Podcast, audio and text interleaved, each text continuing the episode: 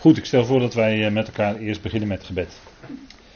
Trouw vader, wij danken u dat we in deze tijd waarin veel aan de hand is in de wereld. Vader, dank wel dat we in deze tijd die rust in u mogen hebben, vader, onder alle omstandigheden in feite. De rust die u alleen kan geven. Vader, dank u wel dat u dat in ons hart geeft en uitwerkt. Dank u wel dat we ook vanavond weer mogen stilstaan bij een stukje uit uw woord, Vader. En weer diverse facetten van dat geloof mogen overdenken met elkaar.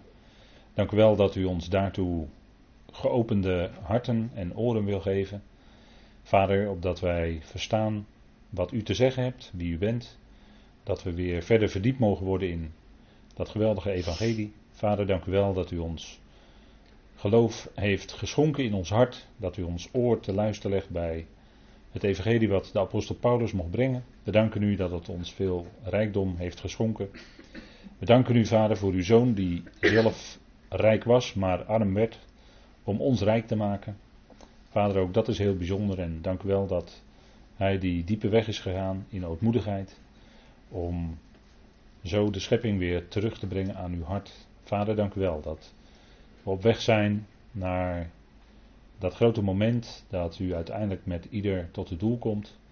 Vader, dank u wel dat dat zal komen, Vader, op uw tijd. En dat gaat nog, naar de mens gesproken, lange tijd duren. Tijdperken lang, maar dank u wel dat u dat doel zal bereiken, Vader. En het is conform uw belofte. En daarom, daarin hebben wij het volste vertrouwen. Vader, dat u zal doen wat u beloofd heeft. We danken u voor uw goedheid, voor uw liefde en trouw. We danken u dat we zo ook vanavond daarbij stil mogen staan. Geef wijsheid van woorden. Geef leiding door uw geest.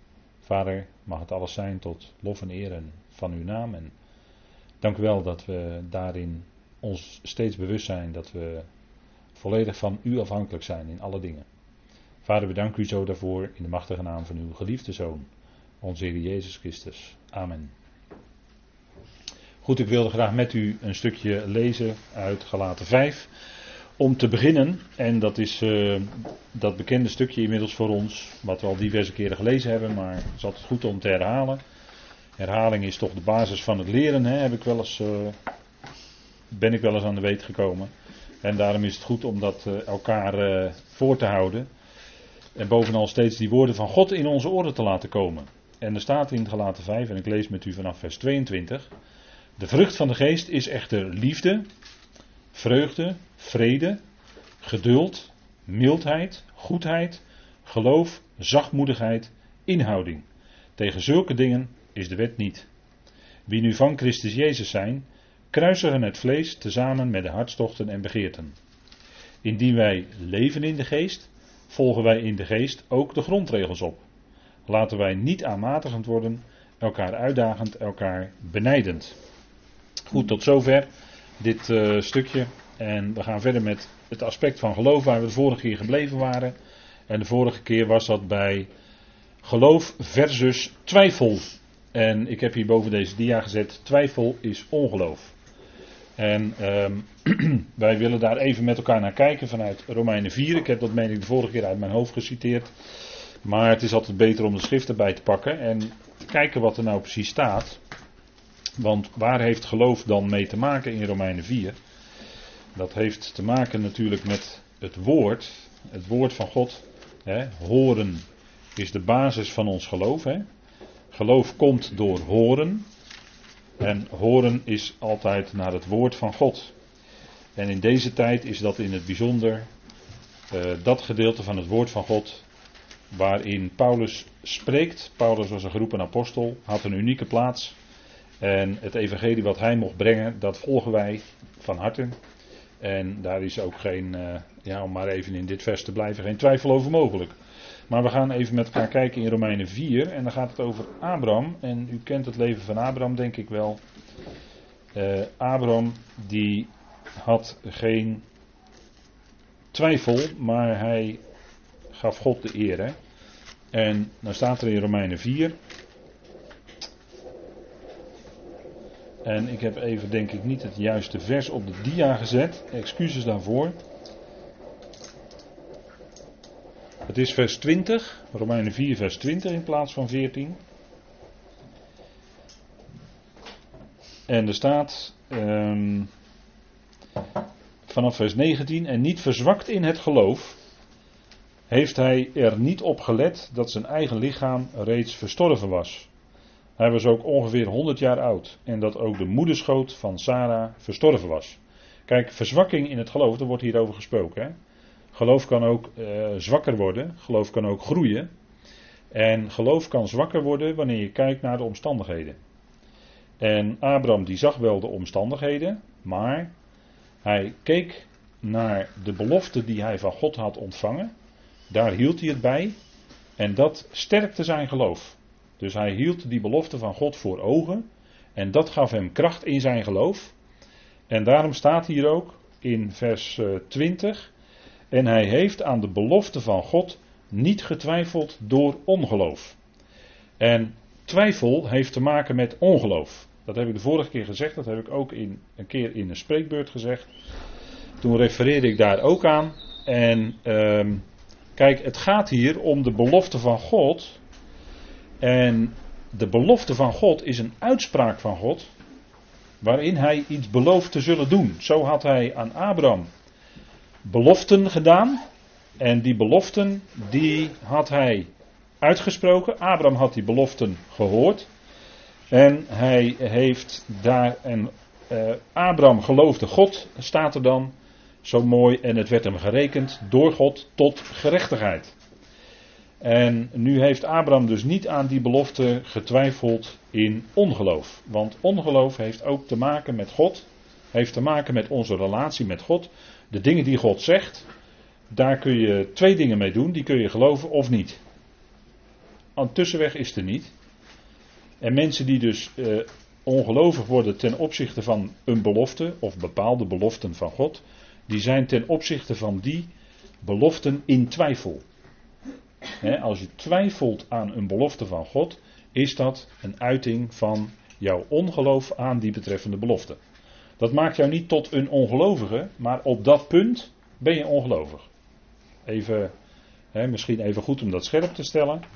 En uh, het punt is, kijk, natuurlijk, kijk, ieder mens kan twijfelen. Als je twijfelt aan jezelf, dat is niet zo verwonderlijk, want je bent maar een zwak mens. Dus het is niet zo gek als je twijfelt aan jezelf. Maar twijfel in verband met ongeloof heeft te maken met hoe jij staat ten opzichte van de beloften van God. En dat heeft niks met jou zelf te maken of met jouw eigen kracht, of juist wel, moet ik zeggen. Want je ontdekt op een gegeven moment jouw eigen onvermogen. En dan ga je automatisch omhoog kijken naar degene die jou wel het vermogen kan geven, namelijk God.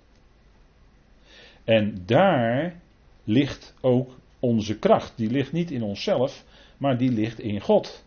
En daarom hebben wij ook niet zoveel zelfvertrouwen. Let op het woordje zelf. Maar wij hebben veel meer godsvertrouwen. Dat is, dat is belangrijk. En in dat vertrouwen op God kun je net als David springen over de muur. dan denk ik aan Psalm 18. Met mijn God spring ik over de muur. Ja, dat kon David zelf niet. Nee, met mijn God. Hij had zelf geen kracht op een gegeven moment meer. Nee, zijn God gaf hem kracht. En daarom kon hij over die muur springen. En ik denk dan altijd bij die muur in uh, Psalm 18, denk ik altijd aan een vorm van beeldspraak. En als we dat op nu willen toepassen, dan is die muur ons eigen vlees. Even om dat duidelijk te maken. Hè? In eigen vlees is namelijk nutteloos. De woorden die ik tot jullie spreek, zegt de Heer Jezus in Johannes 6, zijn geest en leven. Het vlees doet geen nut. Vlees is niet in staat om leven te geven, om leven voor te brengen. Het vlees kan zich ook niet houden aan de wet van God. Kan zich niet, uh, kan niet die werken van de wet doen tot gerechtigheid. Dus het vlees kan uit zichzelf geen leven voortbrengen. Dat zei de Heer Jezus ook in Johannes 6, vers 63. Werd hem door de Joden, die wettisch waren, uiteraard niet in dank afgenomen. Maar hij zei het wel. En hij zei nog veel meer tegen die Joden. Hè? Maar daar heb ik wel vaker op gewezen. Moeten die hoofdstukken van Johannes maar eens lezen. Maar wat was er nou aan de hand bij Abraham? In vers 20 staat er dan: Hij heeft aan de belofte van God niet getwijfeld door ongeloof. Dus hij werd gesterkt in zijn geloof. En hij heeft dus niet getwijfeld door ongeloof. Dus twijfel heeft te maken met ongeloof. Dat is niet wat ik zeg, dat is wat Gods woord zegt. En daar gaat het om.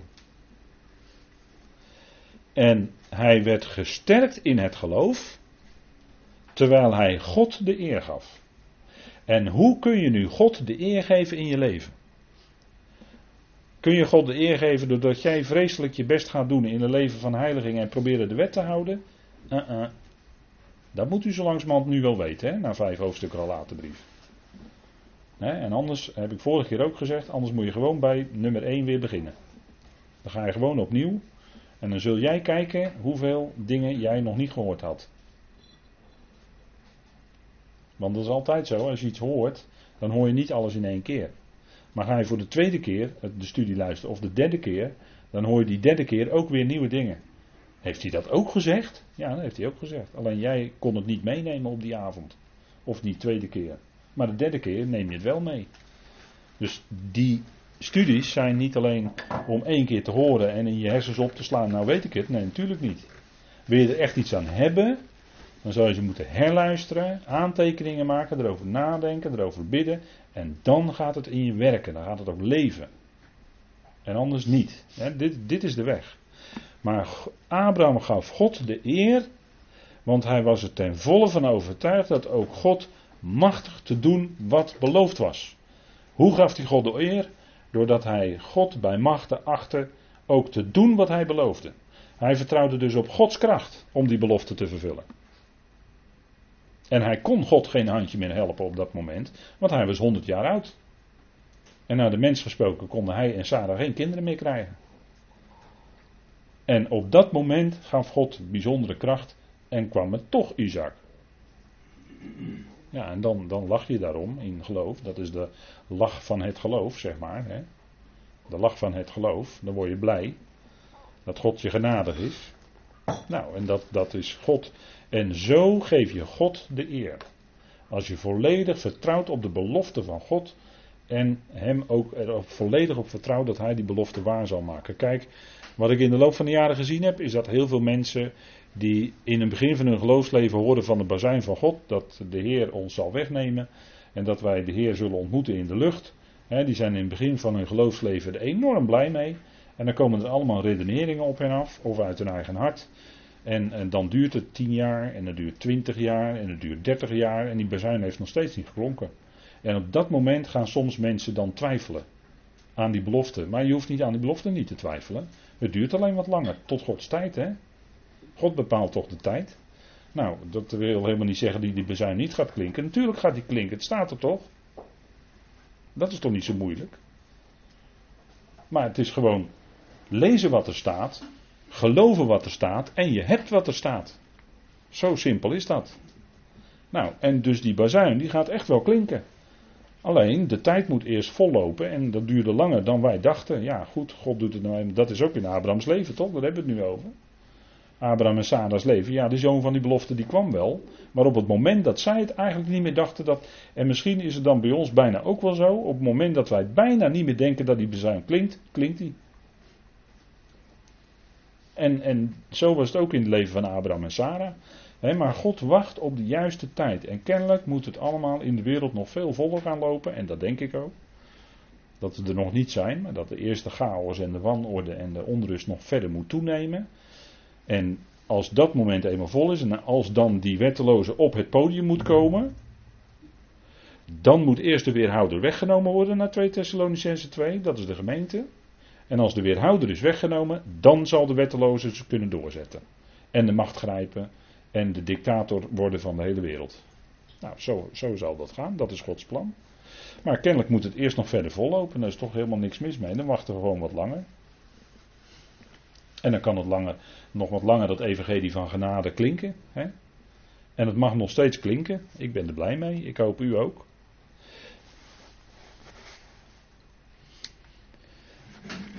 Nou, kijk, je kunt ook twijfelen, en dat is ook een geloofzaak, van uh, wat je eet. Hè? Niet twijfelen bij wat je eet. En nu ziet hier de schijf van, nou, het zal wel 15 zijn, hè? De schijf van 15. Want uh, ja, tien jaar geleden had je nog steeds een schijf van vijf. Dat was gezond, maar tegenwoordig schijnt het ook al niet meer gezond te zijn. Maar goed, daar ga ik allemaal verder niet over hebben. Dat vind ik allemaal zo vermoeiend. want je kan tegenwoordig bijna niks meer eten. Alles is slecht. He, koolhydraten zijn slecht, gluten zijn slecht, enzovoort, enzovoort.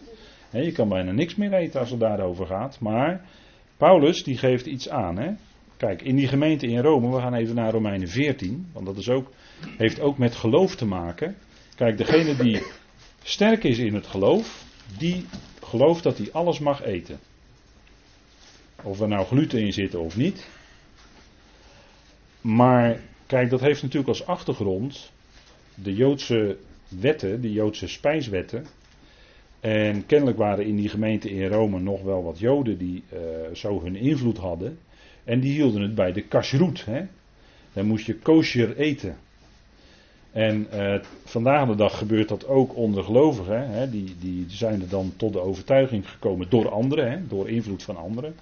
Hè? Zijn ze tot de overtuiging gekomen dat ze kosher moeten eten. En dan gaan ze andere gelovigen uitnodigen op de koffie en dan gaan ze daarmee confronteren. Dat gebeurt allemaal gewoon bij gelovigen. Hè? Dan wordt niet de vraag gesteld van, uh, joh, wat fijn dat wij die genade mogen kennen van Christus Jezus. Maar dan wordt de vraag gesteld, eet jij wel kosher? Dat gebeurt, gebeurt gewoon bij gelovigen die bij elkaar op de koffie komen. maar ik denk toch niet dat het daarom gaat. Als je, bij, als je met elkaar koffie drinkt. Ik denk dat het dan om de genade gaat. Nou, Paulus die zegt in Romeinen 14. En dan uh, heeft hij een stukje gewijd aan wel, wat je dan wel en niet zou kunnen eten. En dan is het misschien goed om even vast te stellen met elkaar wat in vers 17 staat. Laten wij dus najagen. Nee, sorry, uh, vers 17. Want het koninkrijk van God.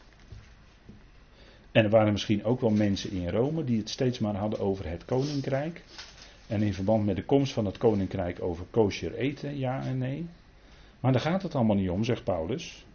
Want hij zegt: kijk, de koningsheerschappij van God. En als we die uitdrukking lezen in de schrift, dan gaat het niet altijd per se in de eerste plaats om het aardse koninkrijk wat door Israël verwacht wordt. Want dan lees je koninkrijk van de hemelen. Maar bij de uitdrukking koninkrijk van God is een algemene uitdrukking waarbij het gaat om, je moet gewoon die uitdrukking lezen, de koningsheerschappij van God in je leven.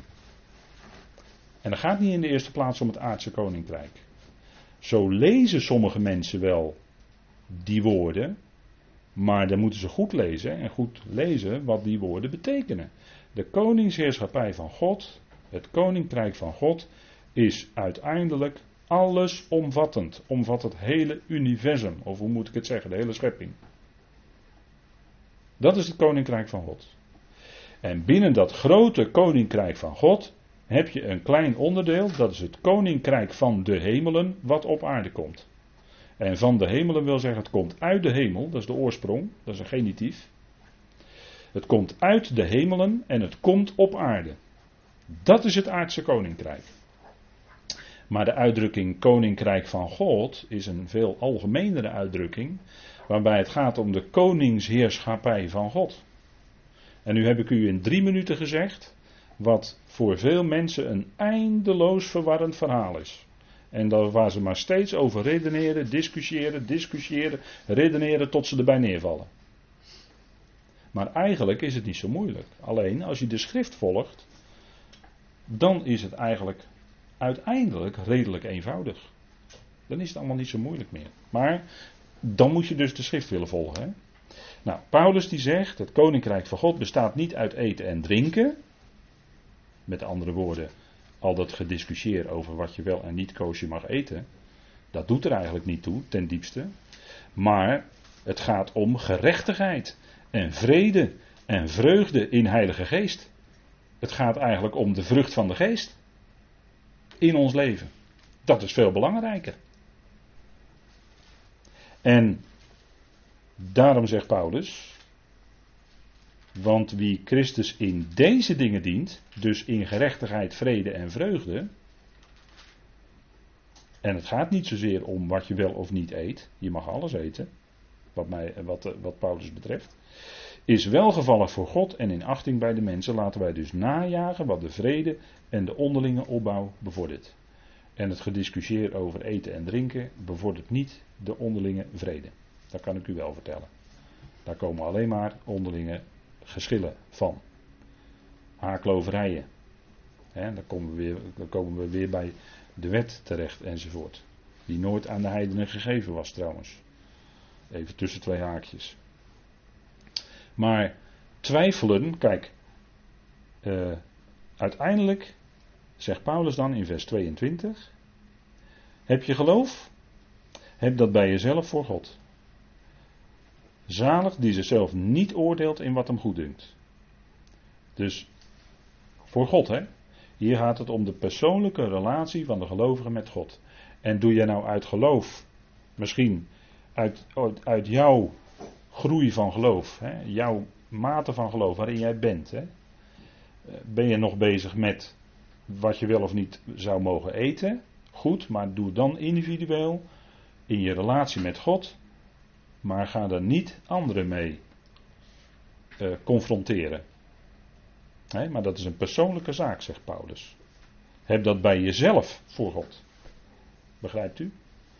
En ga dat niet jouw geloof of jouw wat jij meent over eten en drinken, gaat het niet aan anderen opdringen. En wel fijngevoelig. Je kan er als gelovige wel fijngevoelig om zijn. Want als je nou bij iemand, eh, of als je samen met iemand eet en je weet dat die ander eh, wel steeds met spijswetten bezig is. En, en nou, dan, dan zou je bij wijze van spreken geen vlees eten waar bloed in zit of wat dan ook. Omdat je die ander zijn geweten niet wil belasten.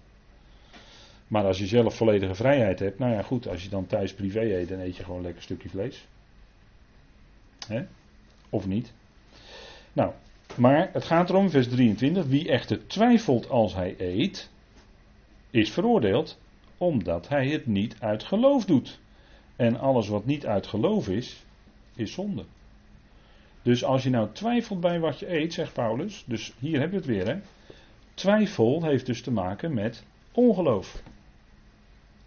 Maar als je vanuit je geloof vast overtuigd bent van iets, nou dan heb je geen twijfel. En dan eet je wat je, wat je wil eten.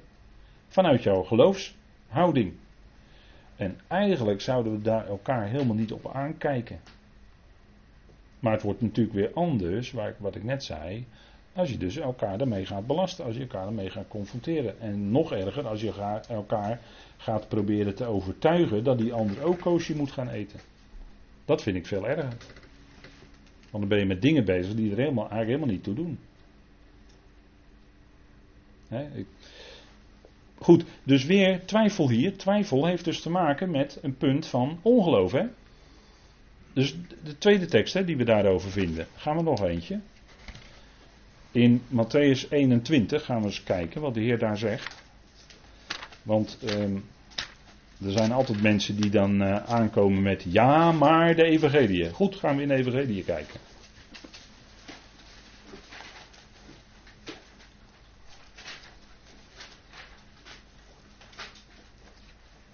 En dan lezen we even Matthäus 21. En op zich is het best wel eens de moeite waard hoor, om bepaalde dingen uit de evangelie met elkaar dus goed te bekijken, wat het nou eigenlijk echt betekent. En dat is die welbekende geschiedenis dat de Heer dan bij die vijgenboom komt en dan zegt hij een aantal dingen. Dan komt hij daar met zijn discipelen. En s'morgens vroeg, toen hij terugkeerde naar de stad, dat is dan Jeruzalem, kreeg hij honger. En toen hij een vijgenboom langs de weg zag, ging hij er naartoe en vond er niets dan alleen bladeren. En hij zei tegen hen: Laat er nu geen vrucht meer groeien in de eeuwigheid, of in de aion, staat er eigenlijk. En de vijgenboom verdorde onmiddellijk. Toen de discipelen dat zagen, verwonderden zij zich en zeiden: Hoe is die vijgenboom ineens verdord? Maar Jezus antwoordde en zei tegen hen: Voorwaar, ik zeg jullie, als jullie geloof hadden en niet twijfelden, zouden jullie niet alleen doen wat er met de vijgenboom is gebeurd of is gedaan, maar zelfs als jullie tegen deze berg zou zeggen, wordt opgeheven en in de zee geworpen, dan zou het gebeuren. En al wat jullie in het gebed vragen, vraag dat in geloof en jullie zullen ontvangen. Nou, wat bedoelde de Heer hiermee? In die vijgenboom was eigenlijk zichtbaar de situatie van zijn eigen volk. De, vijgenboom was eigenlijk de politieke situatie van Israël in die dagen. En daar was wel misschien veel hè, aan de buitenkant, want een vijgenboom heeft grote bladeren. Maar toen de Heer die bladeren, dus het leek wel heel wat, dat bladerdek. De buitenkant dus. Het leek wel heel wat, maar het was de buitenkant. En toen de Heer die bladeren opzij deed, zag hij dat er geen vrucht was. Er waren alleen maar bladeren te zien. Er was dus geen vrucht. En dat was eigenlijk de geestelijk-politieke situatie van Israël. Het leek wel heel wat met al die bladeren, maar er was geen vrucht. En als we even teruggaan naar de eerste bladzijde van de Bijbel, wat gebeurt er als Adam en Eva gezondigd hebben? Wat ze dan doen is zichzelf bekleden, dus de buitenkant. En wat deden ze, waar deden ze dat mee? Met, met vijgenbladeren, ja inderdaad. En dan ziet u dat vijgenbladeren eigenlijk een beeld is van de eigen werken van de mens. Waarmee de mens probeert vaak te verbloemen of te, uh, te verbergen dat er eigenlijk, onbewust en onbedoeld natuurlijk, dat er eigenlijk geen vrucht is. want je kunt je nooit de vrucht van de geest bewerken. Die kun jij niet zelf in jouzelf bewerken, de vrucht van de geest. De vrucht van de geest, de, de naam zegt het natuurlijk al, is wat de geest van God in jou bewerkt. En dat kun je helemaal niet zelf. Zodra je het zelf wel weer bezig wil zijn met werken, of de werken van de wet, of werken die jij jezelf oplegt, dan ben je eigenlijk bezig jezelf te bekleden met vijgenbladeren. Dat is eigenlijk de Bijbelse notitie. En de Heer gaf de mens al een enorme les in het begin, doordat de Heer zelf dieren doodde, onschuldige dieren, doodde, om te kunnen zorgen voor bekleding van de mens. De Heer zorgde zelf voor de bekleding van de mens. En zo is het ook nog steeds, want dat is een prachtige uitbeelding van het feit dat natuurlijk later de Messias zou komen, de Heer Jezus Christus, die gedood werd, opdat de mens bekleed zou kunnen worden met de gerechtigheid van God. En dat zit eigenlijk al in die geschiedenis van Genesis, in beelden, in typen zit dat al verborgen. Die hele les. Net zoals er toen een onschuldig dier gedood moest worden, zo werd later de onschuldige zoon van God gedood, opdat de mens bekleed zou kunnen worden, want hij kon zichzelf niet bekleden, ja met eigen werken, maar dat is maar armzalig hoor. Dat is armzalig, die eigen werken, want er blijft niets, maar dan ook helemaal niets van over uiteindelijk, hè, van eigen werken. Het is helemaal voor God niets. En wat wel voor God waardevol is, is het werk van zijn zoon. En dat draagt ook vrucht. En dan ben je ook bekleed met de gerechtigheid van Christus. Of de gerechtigheid van God. En dan doe je de dingen die wel zijn gerechtigheid dienen. Dan is jouw leven, jouw lichaam wel tot zijn gerechtigheid. Hè? In dienst van zijn gerechtigheid. En dat is eigenlijk de hele diepe boodschap die al in Genesis 3 verborgen zit. En Abel en Kain, die waren broers. Kain sloeg zijn broer dood, maar Abel die bracht van het beste van het vee en van hun vet, staat er ook bij, hè? en van hun vet, let maar eens op. Bracht hij een offer en dat had hij dus al geleerd. Dat had hij al geleerd. Dat er een dier gedood moest worden als een offer aan God en dat dat voor God een aangename geur zou betekenen als dat geofferd werd. En dat dier ging dan in rook op, hè, verbrandde helemaal en het vet ook. En dat is voor God ook later in de offerdienst van de tabernakel een aangename geur. En dat beeldt natuurlijk uit het werk van zijn eigen zoon. Nou, en dan zegt de Heer een wonderlijke uitspraak, hier in Matthäus 21. Want hij zegt, Voorwaar, ik zeg jullie. En let op dat voorwaar, dat is dat amen. Amen, ik zeg jullie. Als jullie geloof hadden en niet twijfelden. Dat zegt hij tegen zijn volk. Hè. Onder zijn volk vond hij geen geloof en dus vond hij daar ook geen vrucht. Alleen maar vijgenbladeren. Alleen maar, ze waren heel hard bezig met de werken van de wet. En daarom zegt Paulus later in Romeinen 10 dat ze aan de gerechtigheid van God niet zijn toegekomen. Of eind Romeinen 9, als ik erover nadenk. Eind Romeinen 9. maar het doeleinde, het einde, Romeinen 10 vers 4, het doeleinde of het einde van de wet is Christus. tot gerechtigheid voor een ieder die gelooft, staat er dan. Niet voor degene die bezig is met werken van de wet, maar degene die gelooft. Daar gaat het om. En daarom zegt de Heer hier, als jullie geloof hadden, geloof hadden en niet twijfelden, hier ziet u dus dat de Heer hier heel scherp twijfel en geloof weer tegenover elkaar zet, dan zouden jullie tegen de berg zelfs kunnen zeggen, wordt opgeven in de zee geworpen. Wat, wat is die berg? Waar staat die berg voor? Wie, wie, kan er misschien iets van zeggen? Waar staan bergen in het algemeen voor in de schrift? Rots. Voor? Rots. Nee, nee, nee, nee. nee. De rots is. Uh, ja, regering, hè? Over, over de heerschappij of koninkrijken. Hè, bergen, dat zien we ook in, uh, bijvoorbeeld in Openbaring. Hè? Er wordt er gesproken over zeven heuvelen of bergen, daar wil ik even af zijn, maar dat zijn dan zeven koningen. Wordt ook uitgelegd, hè, dat beeld. Maar bergen hebben vaak te maken met koningsheerschappij. En in de dagen van de Heer Jezus was dat, wie waren toen de overheersers? Nou, de Romeinen, heidense overheersers. En als dat volk nou echt in hun Messias was gaan geloven, dan zou die berg, die overheersing van hun af zijn geworpen en in de zee, in de Volkerenzee. Dan zou die heerschappij, die heidense heerschappij, van hen af zijn genomen en in de Volkerenzee geworpen. En dan zou dat koninkrijk zijn aangebroken. Maar dat gebeurde niet. En daarom zegt de Heer ook: alles wat jullie in het gebed vraagt, in geloof zullen jullie ontvangen. Dat is nou leuk, hè? Dat is nou leuk, want dit wordt natuurlijk wel eens gebruikt. Als mensen bijvoorbeeld eh, een oude auto hebben die bijna kapot gaat, dan gaan ze heer, eh, hebben ze geen geld voor en dan gaan ze de Heer om bidden of de Heer een nieuwe auto wil geven. Want dan baseren ze zich onder andere op deze tekst. Maar waar gaat deze tekst eigenlijk over? He? Waar gaat deze tekst eigenlijk over?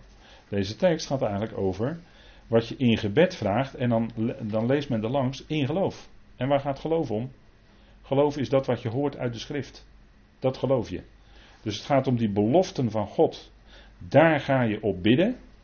En daar gaat de Heer zijn beloften op zijn tijd vervullen. Op zijn tijd. En mensen die willen graag overal voor bidden. En nu het uh, weer onrustig is, het is al heel lang spanning en onrustig in Israël enzovoort enzovoort. En dan gaan mensen vragen om, uh, of oproepen om te bidden voor de vrede van Jeruzalem bijvoorbeeld. Maar als je Gods woord volgt, dan weet je dat er in deze tijd geen vrede komt van Jeruzalem. Je kan je knieën kapot bidden. Sorry dat ik het zeg, maar je kan je knieën kapot bidden om de vrede van Jeruzalem, maar die komt nu niet. Er zal een schijnvrede komen als de wetteloze op het podium komt, maar dat is schijn. Tot dat moment zullen er onrust zijn, zullen er oorlogen zijn, geruchten van oorlogen, onrust, geen vrede in Jeruzalem. Dat gebed van die psalmist uit, uh, wat is het, psalm uh, 121, ik weet het niet goed. Uh, hè? Bid om de vrede van Jeruzalem, weet u wanneer dat gebed geldt? Dat geldt in het koninkrijk. Dan moet men bidden om de vrede van Jeruzalem, want die vrede van Jeruzalem zal bij gelegenheid in het koninkrijk onder de Messias bedreigd worden. En dan zullen ze moeten bidden om de vrede van Jeruzalem, de shalom, en dan zal hij die ook geven. Dat is zijn belofte. En dan bid je dus in geloof, want dan is het bidden op grond van de beloften die hij gegeven heeft. Voor die tijd. En wij kunnen bidden om de, dat de bazuin God zou klinken. Dat is heel fijn, alleen God bepaalt de tijd. En als je bidt in geloof, ja, dat gebed zal zeker verhoord worden, ja, dat die bazuin zal klinken. Absoluut. Dat garandeer ik u, dat dat gebed verhoord zal worden. Nou en of. En het zal op een dag gebeuren en het gaat zo snel dat je het bijna niet merkt. Dat ineens, dat je, voordat je het realiseert, ben je al in de lucht bij hem. Zo snel gaat dat. Dat, dat staat er allemaal. En dan word je in een oogwenk word je ook veranderd. En dat is, dat eigenlijk ongelooflijk, bijna science fiction waar ik het nu over heb. Maar het gaat wel gebeuren. En dan kan men redeneren wat men wil. En zeggen van ja, die bazuin die gaat, uh, hè, dat maken wij niet mee. Of uh, wij blijven op aarde, we gaan door de grote verdrukking. Dat is allemaal, allemaal redeneringen van mensen. Je moet gewoon de schrift volgen. En wie er dan mee gaat, nou daar wil ik dan over een tijdje met u eens over spreken. Wie er dan eigenlijk met de bazuin van God de Heer zullen ontmoeten in de lucht. Hè? Maar goed, dat is wel eens goed om dat weer eventjes goed uh, op te frissen. Die, uh, wat, wat we daarvan mogen weten, maar weer eens even goed onder de aandacht te brengen. Hè? Maar wat je in het gebed zult vragen in geloof, en geloof heeft altijd te maken met het vertrouwen op de beloften van God. En niet of jij dan, uh, hè, als jij een Fiat Panda hebt, of je dan een Rolls Royce mag. Want dan kun je bidden wat je wil, maar die komt denk ik niet hoor. En je kunt bidden, staat niet de volgende ochtend ineens een Rolls Royce voor de deur. Hè? Zou ik ook niet doen, want die is in de verzekering ook schandalig duur. Dus dat kan je toch niet betalen. Maar goed. Geloof versus twijfel. Hè? Hier zet de Heer weer geloof tegenover twijfel. Hebben we nu de derde vindplaats, hè? de derde. De derde bewijstekst hè, is dit. En dan uh, soortgelijke tekst staat ook in Marcus 11. Dus daar, ja, die wil ik dan toch even laten liggen. Want dat is eigenlijk uh, min of meer gelijk aan Matthäus. En dan hebben we ook nog Jacobus. Daar gaan we ook even naartoe. He, Jacobus die uh, schreef aan de twaalf stammen in de verstrooiing. Dus hij schreef niet aan ons. dat mag je volgens sommigen niet zeggen, als, wat ik nu zeg. Maar het staat er wel hoor. Jacobus die schreef aan de twaalf stammen, 1 vers 1 staat het. En dan spreek ik alleen maar na. En daar ben ik jaren geleden een keer verschrikkelijk hard op aangevallen, dat ik dat nasprak. Door gelovigen ben ik aangevallen, keihard. Dat ging keihard toen, die avond. Ik kan me nog goed herinneren. maar ik citeerde Jacobus 1 vers 1 en ik werd keihard aangevallen, omdat ik de schrift citeerde. He, door gelovigen. Begrijpt u? Dingen die, die dan gebeuren. Nou, kijk, geloof versus twijfel. En twijfel heeft dus te maken met ongeloof. En er staat er in Jacobus 1, vers 5. En als iemand van jullie in wijsheid tekortschiet, laat hij die vragen aan God, die aan ieder overvloedig geeft en geen verwijten maakt, en ze zal hem gegeven worden. En dit is wel een goed Bijbels principe. Als jij nou bij gelegenheid tekortschiet in wijsheid, en je kunt daar niks over terugvinden in Gods woord, dan kun je God bidden om wijsheid in bepaalde situaties. En dat kan best als je bijvoorbeeld met elkaar in, gemeentelijk verband uh, optrekt, of als geloof, groep gelovigen optrekt. Ja, dan moeten er soms dingen gebeuren. En dan zoek je om wijsheid wat nu de beste richting is. En dan ga je bidden om, aan God om wijsheid. Dat is een Bijbels gebed. Je kan God bidden om wijsheid. En dan geeft God ook bij gelegenheid die wijsheid. maar uh, de meeste wijsheid is, daarom zeg ik ook als het niet in het woord staat, want er staat erg veel in Gods woord, veel meer dan je denkt. Je kunt er toch vaak over dingen wat terugvinden in Gods woord. Daar kun je aan houden, maar er zijn ook situaties waarin je echt wijsheid nodig hebt. Wat is nu de juiste richting? Wat is nu de juiste beslissing? Nou, dan kun je God bidden om wijsheid. Hè? En de filosoof die vraagt zich af, wat is wijsheid? Nou, daar hebben wij natuurlijk niet zo moeite mee, want wat is nou het begin van de wijsheid? Dat weet u wel, hè? Als ik dat zo zeg, gaat u dat gelijk zeggen. Wat is het begin van de wijsheid? Vrezen des Heren. Juist, de vrezen des Heren, Psalm 111, vers 10. En, of Spreuken 9, vers 10 staat het ook, meen ik. Dat is het begin van de wijsheid, de vrezen des Heren. En wat doe je in de vrezen des Heren? Dan luister je naar zijn woord. Dus zijn woord geeft wijsheid. Want dat is de bron van alle wijsheid. Hè? Christus Jezus is ons geworden van God. Wat? Gerechtigheid. Wijsheid. Ja, uh, gerechtigheid, uh, uh, gerechtigheid. En wijsheid zegt Paulus dan in de, in de Korinthebrief.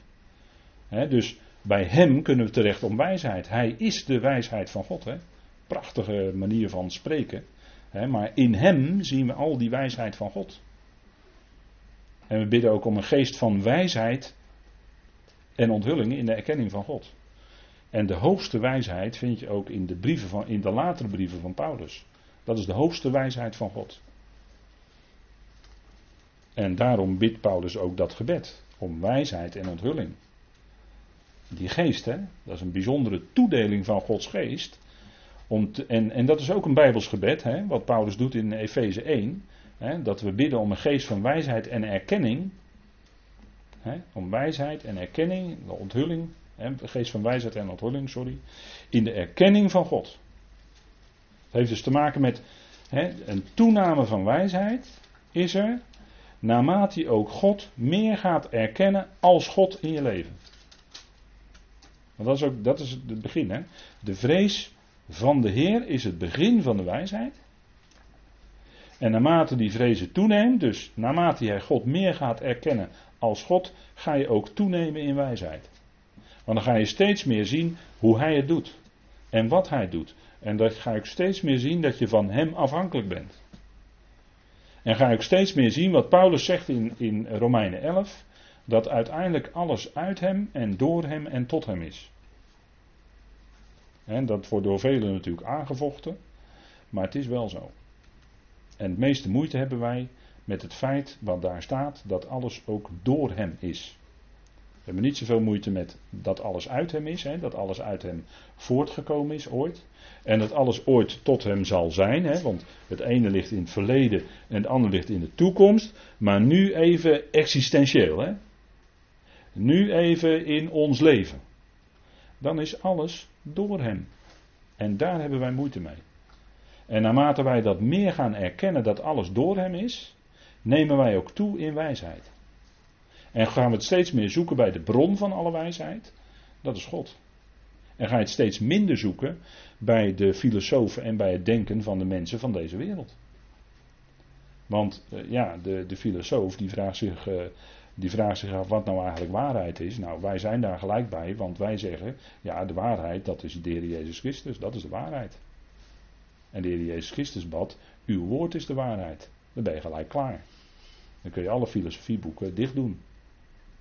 Dan hoef je niet meer zo diep na te denken over die dingen. Dan, dan ben je er al. Alleen dat is de snelle route misschien. En u bewandelt misschien een wat langzame route. En u bent misschien wetenschappelijk geschoold of zo. En dan ga je alles, eh, bij alles ga je dan vragen stellen.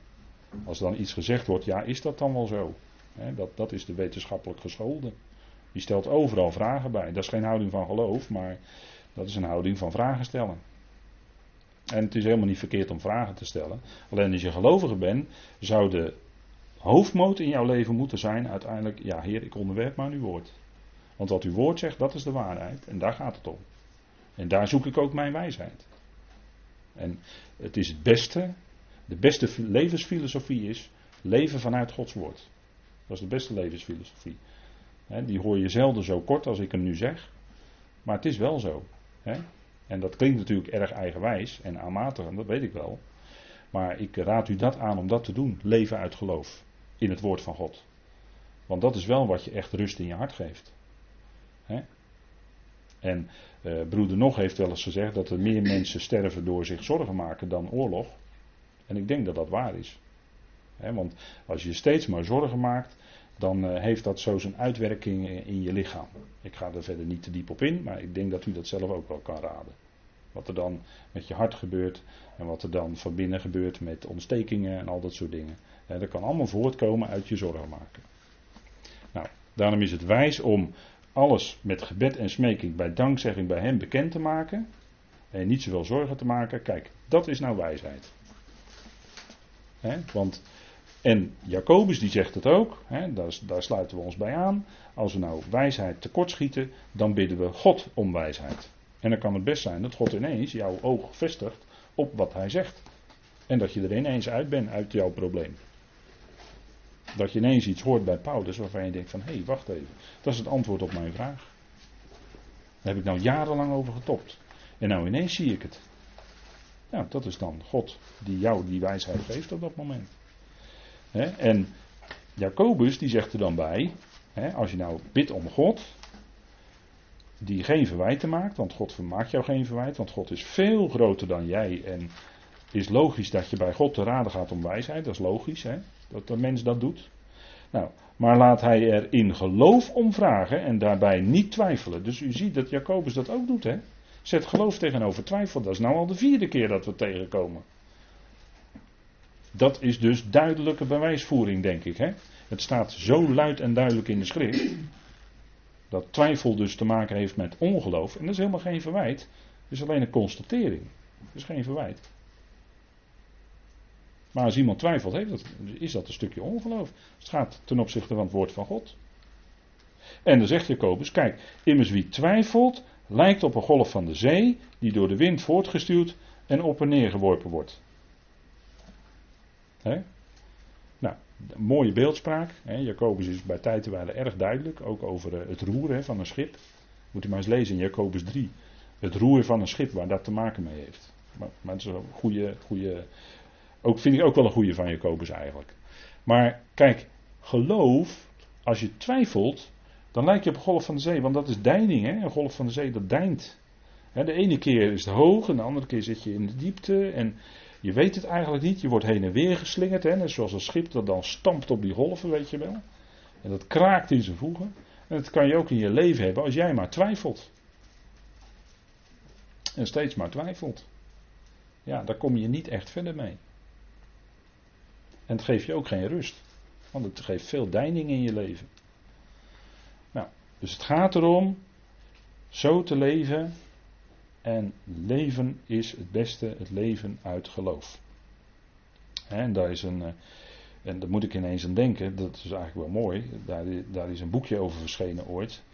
Dat was in het Engels geschreven door uh, Vladimir Gelesnov, die met broeder nog ooit de concordante vertaalmethode uh, bezig is geweest, hè, in het begin van de Searchable Riches. En dat boekje gaat over uh, Abraham en Jacob en Isaac en Jozef, mensen in geloof. En dat is in het Nederlands vertaald. En dat is een heel fijn boekje. En dat gaat over leven of voetstappen zetten in geloof. En er wordt aan de hand van die aartsvaders op een hele bijzondere manier, een hele diepgaande manier ook, want Gellersnov was altijd iemand die heel diepgaand sprak. Uh, op een hele diepgaande manier wordt er die levens uitgediept en daar heb je wat aan. Dus als u nou zondag naar de boekentafel gaat, dan moet u zorgen dat u dat boekje eens een keer op de kop tikt als u het nog niet heeft. En als u thuis in de boekenkast heeft staan, ik zou zeggen, trek het uit die boekenkast en ga lekker lezen. S'avonds voor het slapen gaan. Goede lectuur. Hè? Voetsta ik denk voetstappen in geloof. Ik weet het niet meer helemaal uit mijn hoofd. Maar het is geschreven door Vladimir Gelesnov. Dus jaren geleden is dat uh, vertaald en op, in boekvorm op de boekentafel gekomen. Maar het is, het is er wel, dat weet ik zeker. Nou, dat is gewoon een heel fijn boekje. En, en wil je nou lekker slapen, dan neem je niet alleen anijsmelk, maar dan neem je ook zo'n boekje erbij. En dan moet jij kijken hoe lekker je slaapt. Nou. Goed. Opbouw van je geloof. We verlaten even dat geloof versus twijfel. En we gaan nu even kijken naar opbouw van je geloof. Hoe bouw je nou je geloof op? Want wat wij zouden doen is, hè, als, als, iets, als wij iets willen doen wat nuttig is, zegt Paulus, dan is dat tot opbouw. Wat is nou nuttig? Dat is datgene wat is tot opbouw van de gemeente. Paulus zegt in 1 Corinthië 10, alles is mij geoorloofd. dat, dat ging er goed in hoor, bij die Corinthiërs.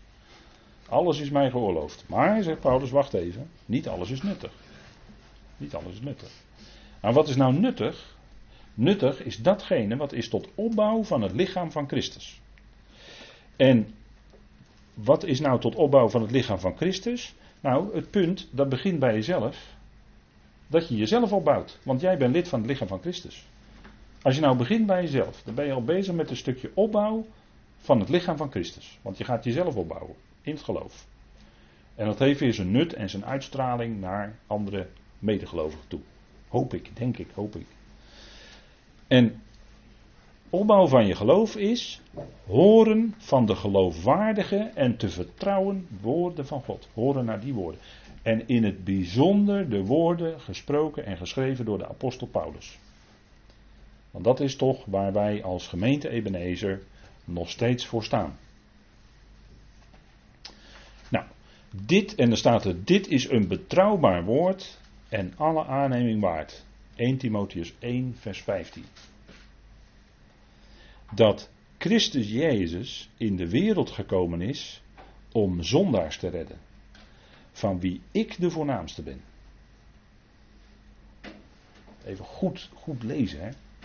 Als je nou onderscheidend leest, dan lees je hier iets geweldigs. Kijk, Christus Jezus, zegt Paulus, is in de wereld gekomen. Hij was eerst in verheerlijkte positie. Hè? En hij is in de wereld gekomen, dus hij is mens geworden. Dus hij was eerst in heerlijkheid. Zo zagen de profeten Ezekiel, Jezaja enzovoort. Daar hebben we laatst op de studiedag over gesproken. De, de vroegere heerlijkheid van Christus voor hij mens werd. Toen is hij in de wereld gekomen, is hij mens geworden. Waarom? Om zondaars, niet om zondaars te veroordelen, maar om zondaren te redden. En weet u wat nou het geweldige is? Dat doet hij ook. Hij is niet alleen in de wereld gekomen met de bedoeling dat zondaars gered zouden kunnen worden, maar jij moet de keuze maken. Dat is de evangelische wereld, wat ik nu zeg. En het klinkt aardig Arminiaans. En als u niet weet wat Arminiaans is, moet u dat maar eens opzoeken. Op, moet u even googlen. dat doen we tegenwoordig heel veel. Googelen. en, dan kijk, en dan vind je heel snel in Wikipedia, dat is zo'n internet-encyclopedie, dan kunt u lezen wie Arminius was en wat hij leerde. daar doe ik nu even op. Maar dat klinkt Arminiaans. Hè? En dan leert men in de evangelische wereld dat Christus Jezus in de wereld is gekomen om zondaars te redden. En dan gaan ze toelichten die tekst en dan zeggen ze, ja hij kwam in de wereld met de bedoeling dat zondaren gered zouden worden. Maar uiteindelijk is God wel afhankelijk van jouw keuze. En het evangelie van Paulus zegt dat het niet zo is.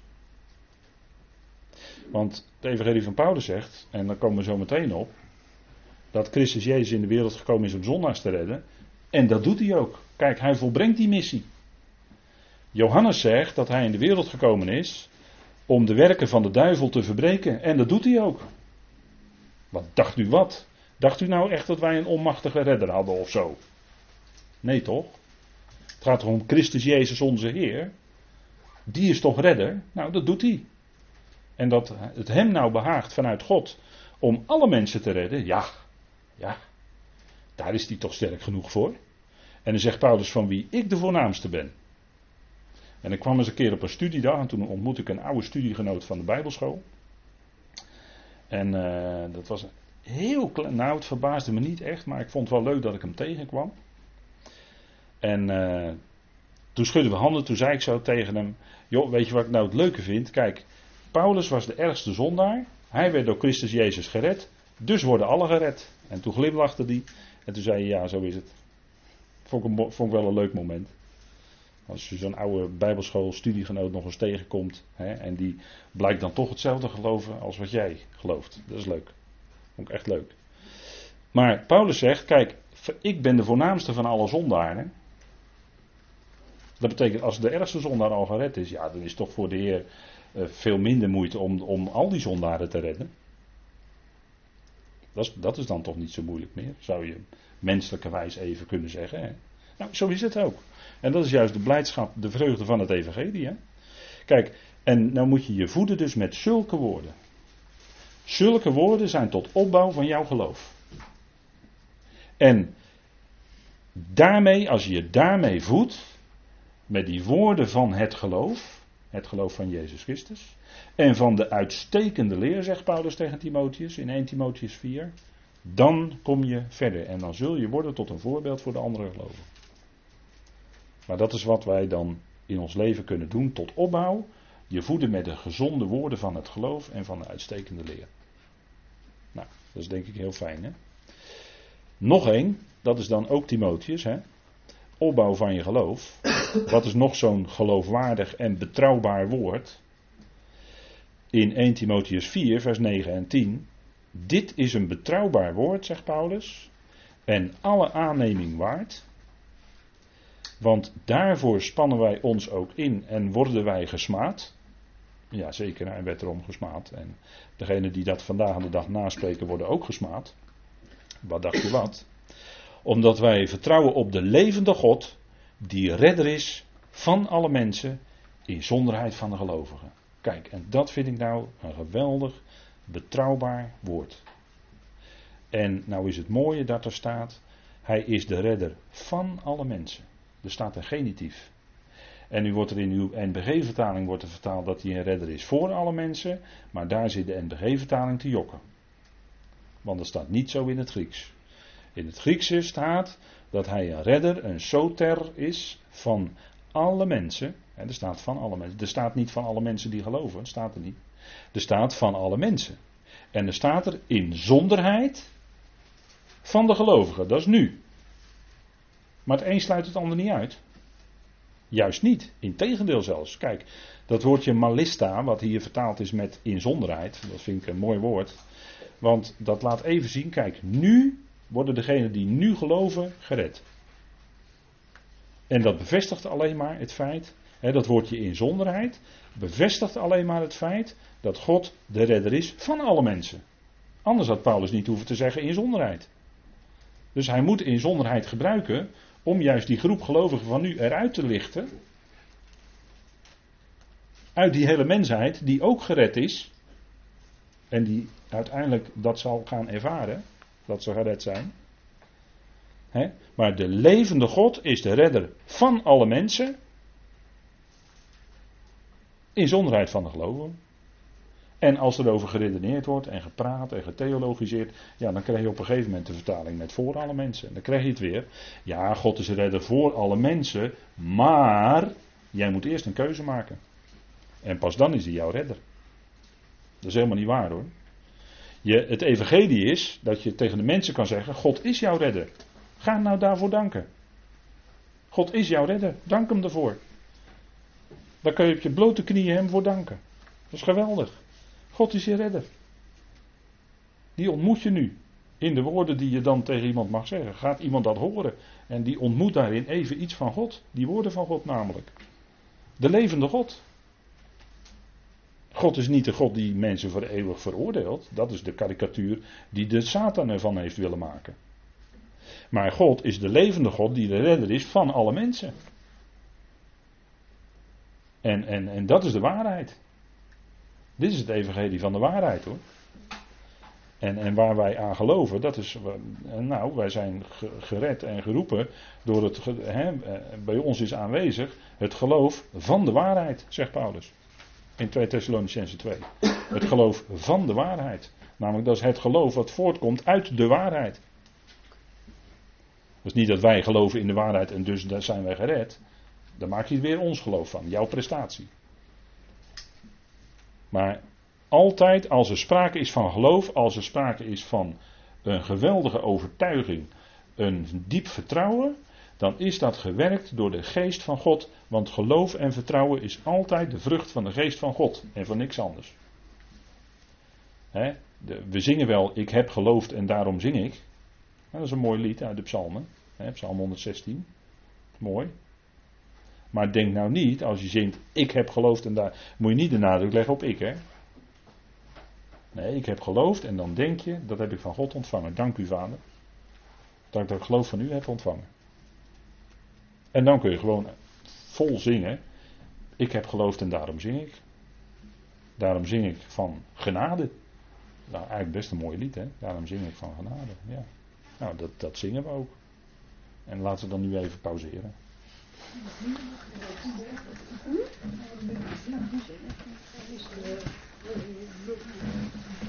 Hm?